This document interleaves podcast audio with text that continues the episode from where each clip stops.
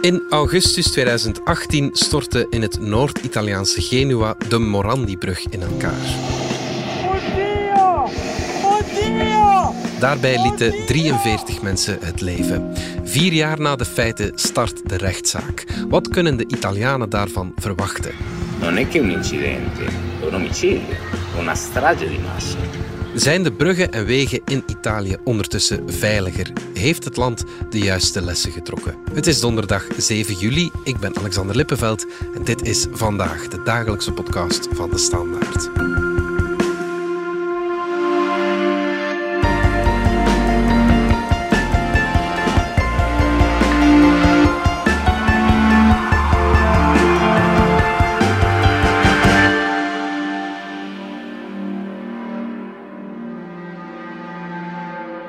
Ine Rooks, correspondente in Italië. Neem ons even mee terug naar uh, vier jaar geleden. Kan je even schetsen wat er toen gebeurd is in Genua? Het was 14 augustus, de dag voor Ferragosto. Dat is zowat de belangrijkste feestdag, pal in uh, de zomervakantie voor de meeste Italianen. Mhm. Veel mensen waren toen al uh, vrij af, maar in Genua was er een verschrikkelijk noodweer aan, uh, aan de gang. Dus het was echt heel erg aan het stortregenen. En mensen die toen de klap hebben gehoord, zeiden, vertelden me uh, in Genua, dat ze eerst dachten dat het een heel hevige donderslag was. Maar het was dat helemaal niet, uh, uiteraard. Het was wel het viaduct over de rivier dat het begaf. Een brug, genoemd naar de architect Morandi, uh, die in 1967 uh, openging. En ja, nu blijkt al vanaf de prille beginjaren na de constructie Alexander kampte met, met corrosie. Dus die brug stortte in. Ineens waren twee stukken van de stad Genua niet meer met elkaar verbonden. Maar ja, bovenal werd er meteen gevreesd voor honderden doden. Dat dachten de autoriteiten toen, want het is, stel je voor, echt wel een drukke verkeersader in Genua.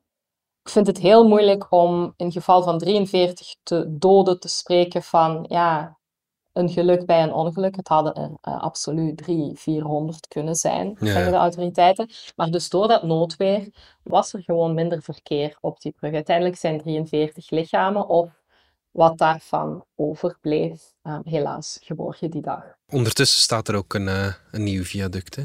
Ja, nieuw viaduct is uh, heel snel geopend, twee jaar later in 2020 is toen ingehuldigd en was uh, een moment van grote hoop voor, uh, voor Genua. Ja.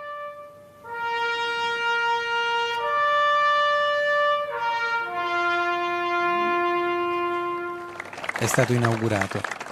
Hoe hard leeft die tragedie nog in, uh, in Genua en bij uitbreiding in de rest van Italië? Ik herinner mij toen, van, van vier jaar geleden, dat vrienden en collega's in Genua daar uh, bijzonder lang mee bezig zijn gebleven. Ik sprak vorige week met een vriendin, een bevriende journalist uit Genua, die zei, in mijn hele carrière is dit de gebeurtenis die er het meeste bij mij is ingehakt. Ik vond dit het moeilijkste om te doen, zei ze. Mhm. Niet alleen omdat ik uit Genua kom, maar ja, de impact ervan, het is bijna ja, iets existentieels, hè, van een brug vallen, een brug die instort, een viaduct dat in tweeën splijt. Dat was zo waanzinnig Ja. en zo uh, niet voor te stellen dat dat uh, een trauma heeft geslagen. Vandaag, vier jaar later, hangt het er heel erg vanaf met wie je praat. Ja, ja. De nabestaanden zijn hier uiteraard uh, heel sterk mee bezig. Die willen gerechtigheid en willen dat de vermoede um, verantwoordelijke worden gestraft. Mhm. Verschillende mensen uh, hebben het gevoel, of ik kreeg de indruk toen ik met ze sprak, dat hun leven stilstaat. Uh, een moeder van Mirko, die 30 was toen hij het leven liet onder de Morandi-brug. Het verdriet van Paola Vicini is nog even rauw als vier jaar geleden. Era uno che si arrabbiava anche facilmente per, uh, per le ingiustizie, Beh. per le cose sbagliate. Tante volte diceva, ma che ma senti... Paula zegt ook dat haar zoon heel makkelijk boos kon worden om onrecht, om dingen die niet juist zijn. Waar mensen het slachtoffer van kunnen worden. Hij kon zich bijvoorbeeld geregeld opwinden voor het tv-journaal. Qualche notizia al telegiornale, non so, qualche evento, qualche... Ma no, non ci tocca, ma non importa, non va bene, questa cosa non va fatta. Lui... Zijn moeder probeerde hem dan te kalmeren door te zeggen, Miki, trek je dat toch niet zo aan, het gaat niet om ons. Maar dat was uh, Mirko's gevoel niet. de rest van het land en de rest van Genua zelfs, wie er niet rechtstreeks bij betrokken is, ja, die zijn er niet dag in dag uit mee bezig. Uh, Genuezen zijn heel praktisch, is Noord-Italië, harde werkers. We hebben die brug heel snel erop gebouwd, vooruitkijken. Dat was bijvoorbeeld de overdonderende boodschap van de burgemeester die boos werd toen ik al te lang bleef vragen naar mogelijke oorzaken, wat hij dacht over controles. Hij wilde niks zeggen over de rechtszaak. Oké. Eh, maar hij werd echt bijzonder uh, kregelig en zelfs nijdig toen het niet ging over zijn snelle reconstructie of de rol die hij daarin had gespeeld, of de manier waarop Genua na de ramp zichzelf weer had bij elkaar geraapt. Dus het ligt heel gevoelig. Bij de nabestaanden is het trauma zeker zeer groot. Bij andere Genuezen en Italianen is het als buitenlandse journalist niet altijd makkelijk om die vragen te stellen. Dat je snel het verzoek, het vriendelijk verzoek krijgt om eens naar de infrastructuur in eigen land te kijken enzovoort. Ze zien het heel snel als kritiek. Het is nu vier jaar geleden, dat zeiden we al. De rechtszaak start nu. Wat kunnen we daarvan verwachten? Ja, ze begint uh, op 7 juli. Mm -hmm. De rechtszaak wordt gehouden tegen 59 beklaagden. Dat is een lange lijst. Ja. Journalisten die uh, de zaak vanaf het prille begin hebben gevolgd, zeggen die lijst nog veel langer kunnen zijn. Ja, daar zitten verschillende categorieën in van mensen die beschuldigd worden om niet altijd even zware misdrijven. Maar de zwaarste misdrijven zijn wel doodslag en schuldig verzuim. Okay. Dat is behoorlijk pittig als aanklacht. Daar zijn bestuurders bij, echt uh, topbestuurslui en technici van Autostrade per l'Italia. Dat was de private beheerder van de brug op het moment van de ineenstorting. En ook bestuurders en technici van SPEA, het private toezicht- en onderhoudsbedrijf. En ook ambtenaren van het Italiaanse ministerie van Infrastructuur. Ja. Omdat zij een toezichtshoudende rol hadden. Dus het is een lange lijst, 59 beklaagden. Er staat bijvoorbeeld helemaal onderaan een hoogleraar bij, een expert in infrastructuur, die ook verantwoording moet komen afleggen over uh, de adviezen die, uh, ja, die hij in uh, commissies en op projecten in zaken die Moran die Brug heeft uitgesproken. Dus het is een breed proces heel veel beklaagden, heel veel interesse. Het wordt een soort, zoals het hier in Italië wordt genoemd, een maxi-processo, dus een, een monsterproces. Ja, een monsterproces, dat duurt uh, meestal ook lang, hè? Ja, niet alleen een monsterproces duurt in Italië lang. Het is een feit om te stellen dat uh, justitie notwaar traag werkt in Italië. Dat je drie procesgangen hebt en dat uh, dit jaar kan duren. Ja. De meeste nabestaanden hebben ook inmiddels al, ook om die reden, een schadevergoeding van de beheerder ontvangen en hebben voor Oké. henzelf zo uh, de zaak afgerond. Dat betekent dat ze zich op dat moment hebben teruggetrokken uit het proces als burgerlijke partij. Ze mogen dan niet het woord nemen, ze mogen niet echt actief optreden, maar uh, velen gaan wel uh, de zaak op de voet volgen, ja.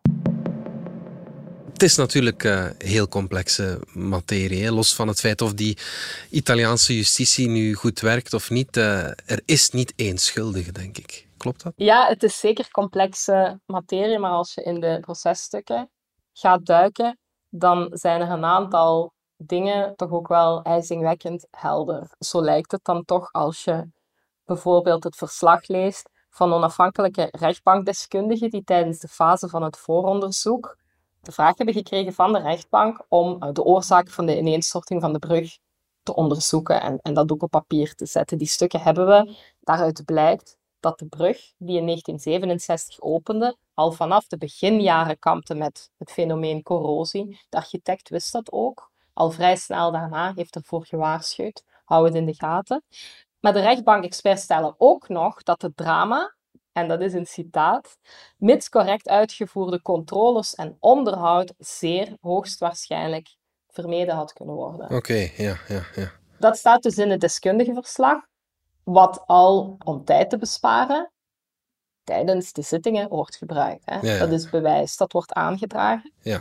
Niet alleen dat, maar het bedrijf zelf, de privébeheerder, heeft al in 2013, dat blijkt uit de aanklacht, de aanklager schrijft dat, een risicoanalyse opgesteld, dus de private beheerder van de Morandi-brug, en daarin gesproken van, letterlijk, opnieuw een citaat, instortingsgevaar van het viaduct, wegens vertraagde onderhoudswerkzaamheden. Ja. Dat is taal die uh, weinig aan de verbeelding overlaat. Dat zegt dus de private beheerder zelf al in 2013, vijf jaar voordat de brug uiteindelijk zal instorten. Dat is toch vernietigend bewijs dan, niet?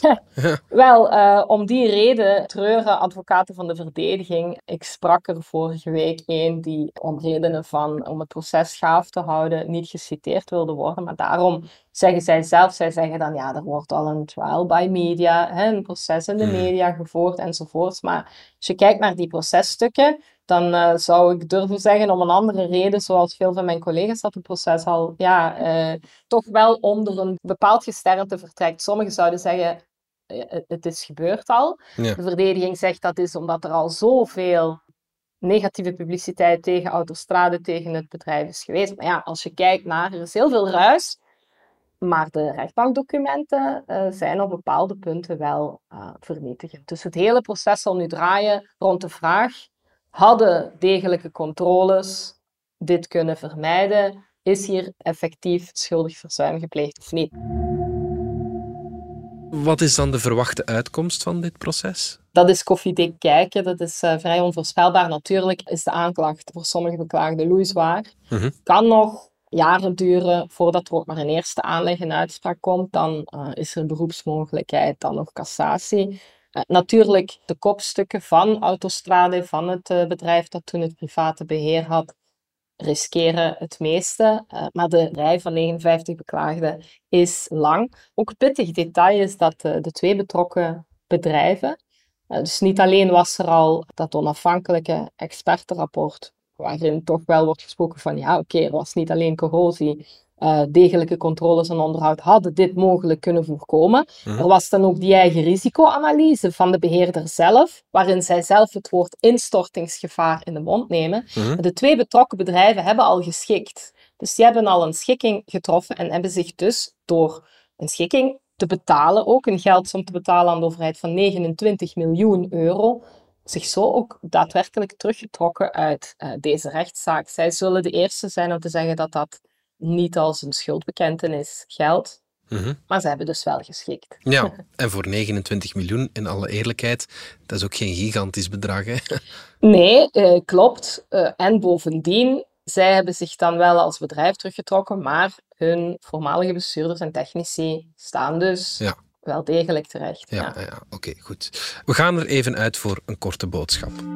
Mensen zijn onvolmaakte wezens. Iedereen heeft wel eens met zijn geweten geworsteld. Schuld. Je voelt je zo schuldig. Dat ik heel hard aan het werk was. Hun het gevoel van onveiligheid hebben bezorgd. Zij zorg om mij hebben gehad. Het is dat pijnlijke gevoel. Ik was gewoon schuldig. Wanneer je beseft dat je verkeerd gehandeld hebt. Had ik maar. Dan had zij waarschijnlijk gewoon nog geleefd. Mijn schuld. Mijn schuld. Een nieuwe podcast van NRC en De Standaard. Nu te beluisteren in alle podcast-apps. Je hebt daar geen abonnement voor nodig en het is gratis. Ja, de verantwoordelijke bedrijven, Ine, ja, die waren misschien ook net iets te hard aan elkaar geklonken om een uh, onafhankelijke controle ja, helemaal toe te kunnen laten. Hè. Is dat geen belangrijk element in heel dit verhaal? Het was wel inderdaad wat mij ook sterk opviel, Alexander. je hebt een, uh, overkoepelende holding, Atlantia. Mhm.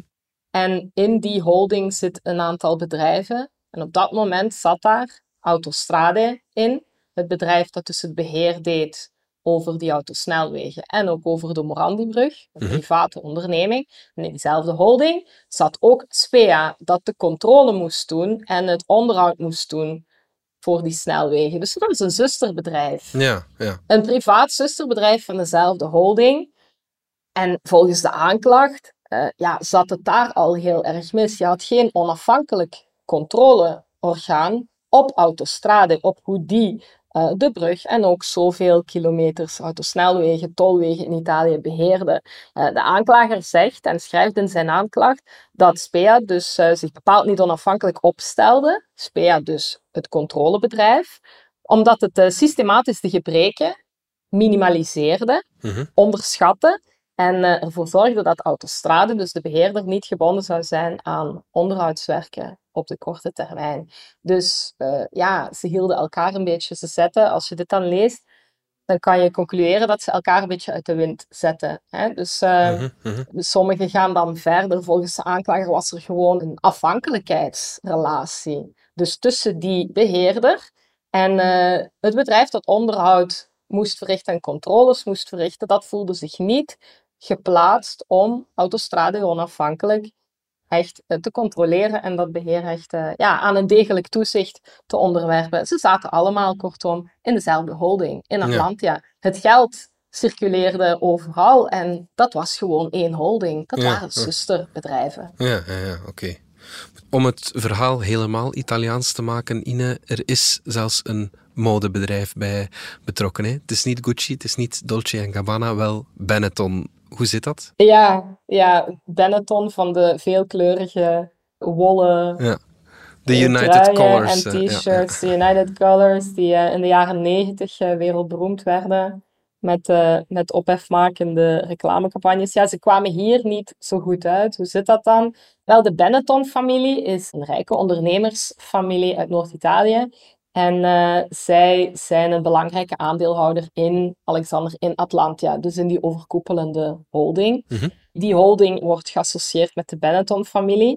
Het is wel belangrijk om te zeggen dat het onderzoek, dit strafrechtelijk onderzoek, nooit tot bij Atlantia, tot bij de top van de holding zelf is geraakt. Dus de. Benettons staan ook niet terecht tijdens deze eh, strafzaak. Wel Mhm. sommige nabestaanden dat absoluut wel anders hadden willen zien. Mhm. En dus tot daar is het gerecht niet geraakt. Wel bij die zusterbedrijven Spea, hè, het onderhoudsbedrijf, Ja. en Autostrade. Ja. Dus eerst was het al ja, voor de nabestaanden een eh, zure appel dat er niet aan de Benettons werd geraakt. Zij vertelde mij daar dan over van ja, het groot kapitaal zit daar. Zij ontspringen de dans. Ook Paola Vicini, de moeder van eh, de gestorven Mirko, vindt dat, dat grote industriële groepen in Italië, dat geld en macht eh, alles dicteren. Questo malcostume italiano, perché ormai l'abbiamo capito in Italia funziona così. I soldi, il potere guidano tutto. Deze slechte Italiaanse gewoonte, zegt Paula, eh, want Italië werkt nou eenmaal zo volgens haar geld en macht controleren, regeren, alles.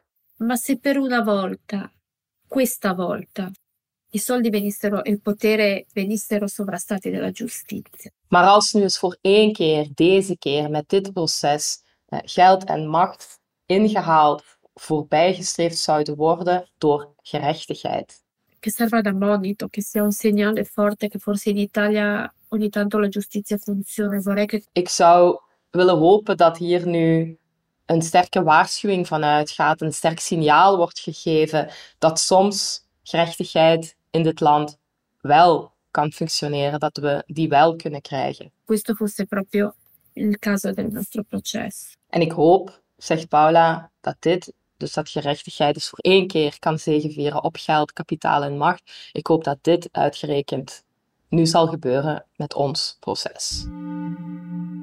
Maar dan was er een tweede shock eh, door de publieke opinie toch wel in Italië, want ik kan echt wel zeggen dat de instorting van de Morandi-brug bijzonder negatieve publiciteit was voor de Benettons. De Italianen wisten echt wel Ja. dat Atlantia met de Benettons geassocieerd kan worden.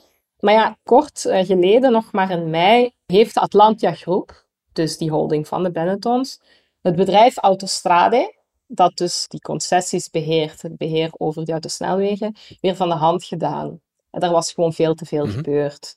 En eh, ze hebben zich teruggetrokken uit het beheer van autosnelwegen en bruggen in Italië.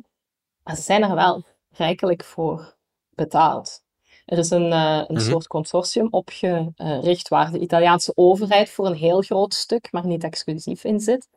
Ja, en er is een bedrag betaald, dat heeft Atlantia zelf in mei duidelijk gemaakt en eh, meegedeeld van 8 miljard euro. Dus uiteindelijk is de publieke Ja, opinie dan geschokt van niet alleen eh, zijn de Benettons blijkbaar intoccabili, eh, untouchable, maar ze hebben dan ook nog eens, wordt dan gezegd, eh, door eh, Autostrade van de hand te doen, die concessie weer terug te verkopen aan de Italiaanse overheid, een lucratieve deal gedaan. Dus dat, daar zit hem dan eh, Ja. de schok in, ja. Ja, ja, oké. En is er iets veranderd in Italië? Zijn bruggen en wegen eh, ondertussen veiliger geworden? Als je die vraag stelt aan ingenieurs en eh, experten in infrastructuur, dan zeggen zij redelijk unisono, Alexander, ja, bruggen kunnen nu eenmaal instorten. En zeggen ze dat ja, er in heel Europa, in ons Europa, in het oude continent, een infrastructuurprobleem is. Infrastructuur moet voortdurend onderhouden worden. Dat is zo in België, in Frankrijk, in Nederland. En dat is ook zo in Italië. En ze erkennen, ik sprak daarover met een eh, professor infrastructuur van de Universiteit van Milaan, dat is geen sterk punt geweest voor Italië, gedegen onderhoud. Er is zeker wel een voor en na. Na Genua, tussen aanhalingstekens, dus na het drama met de Morandi-brug, zijn uh, de Italiaanse autoriteiten heel grondig gaan controleren wat de staat was van mhm. bruggen, tunnels, hè, de, al die tunnels uh, die in de bergen lopen in Ligurië, de streek van Genua. En zijn ze waar nodig ook beginnen aanpakken, het onderhoud doen. Het werd ineens één grote bouwwerf, waar de Italianen dan ook weer over begonnen te mopperen. Hè, van moet het nu allemaal ineens, ja. dan kon het niet een beetje gestructureerder. Er is uh, heel snel een nieuwe brug gekomen, een nieuw viaduct in Genua.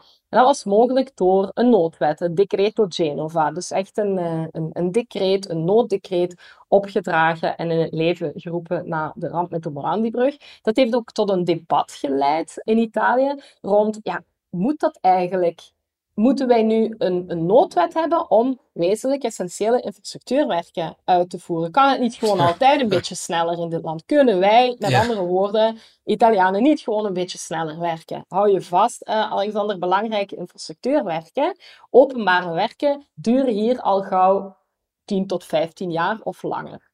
Dat betekent niet dat de bouwwerf zelf zo lang duurt, dat het bouwen uh, zo, zo, lang duurt, maar de procedures zijn zo lang. De bureaucratische regelneverij, het papierwerk duurt gewoon zo lang. Dus het debat is nu wel gelanceerd van, moeten wij nu noodwet hebben voor Genua, of doen we beter gewoon een wetshervorming voor het hele land?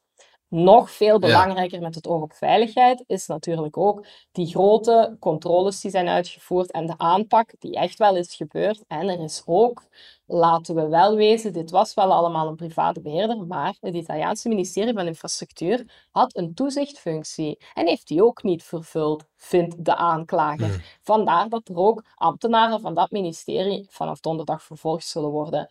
Daar heeft de Italiaanse overheid ook iets aan gedaan. Er is een nieuw controleorgaan opgericht dat de beheerders van tunnels, bruggen en wegen in Italië moet auditen, moet controleren en bij de les moet houden. Dus het lijkt wel dat Italië uh, na heel veel waarschuwingen van hoogleraars-experten en professoren die mij vertelden, ja, wij kunnen wel artikels schrijven, maar wij zijn niet de beslissingmakers. Het lijkt nu wel dat uh, Genua en de ramp die daar helaas uh, tragisch genoeg aan 43 mensen het leven heeft gekost, uh, de geesten heeft wakker geschud, het bewustzijn heeft aangescherpt dat onderhoud en controles echt geen overbodige luxe zijn, maar dat het een zaak is van leven of dood. Mm -hmm, absoluut. Goed, Ine Rooks, dankjewel. Graag gedaan. Dit was vandaag de dagelijkse podcast van de Standaard. Bedankt voor het luisteren. Download onze app DS Podcast of volg ons op Spotify, Apple Podcast of eender welk ander podcastplatform. Alle credits van de podcast die je net hoorde vind je op standaard.be-podcast. Reageren kan via podcast.standaard.be. Morgen zijn we opnieuw.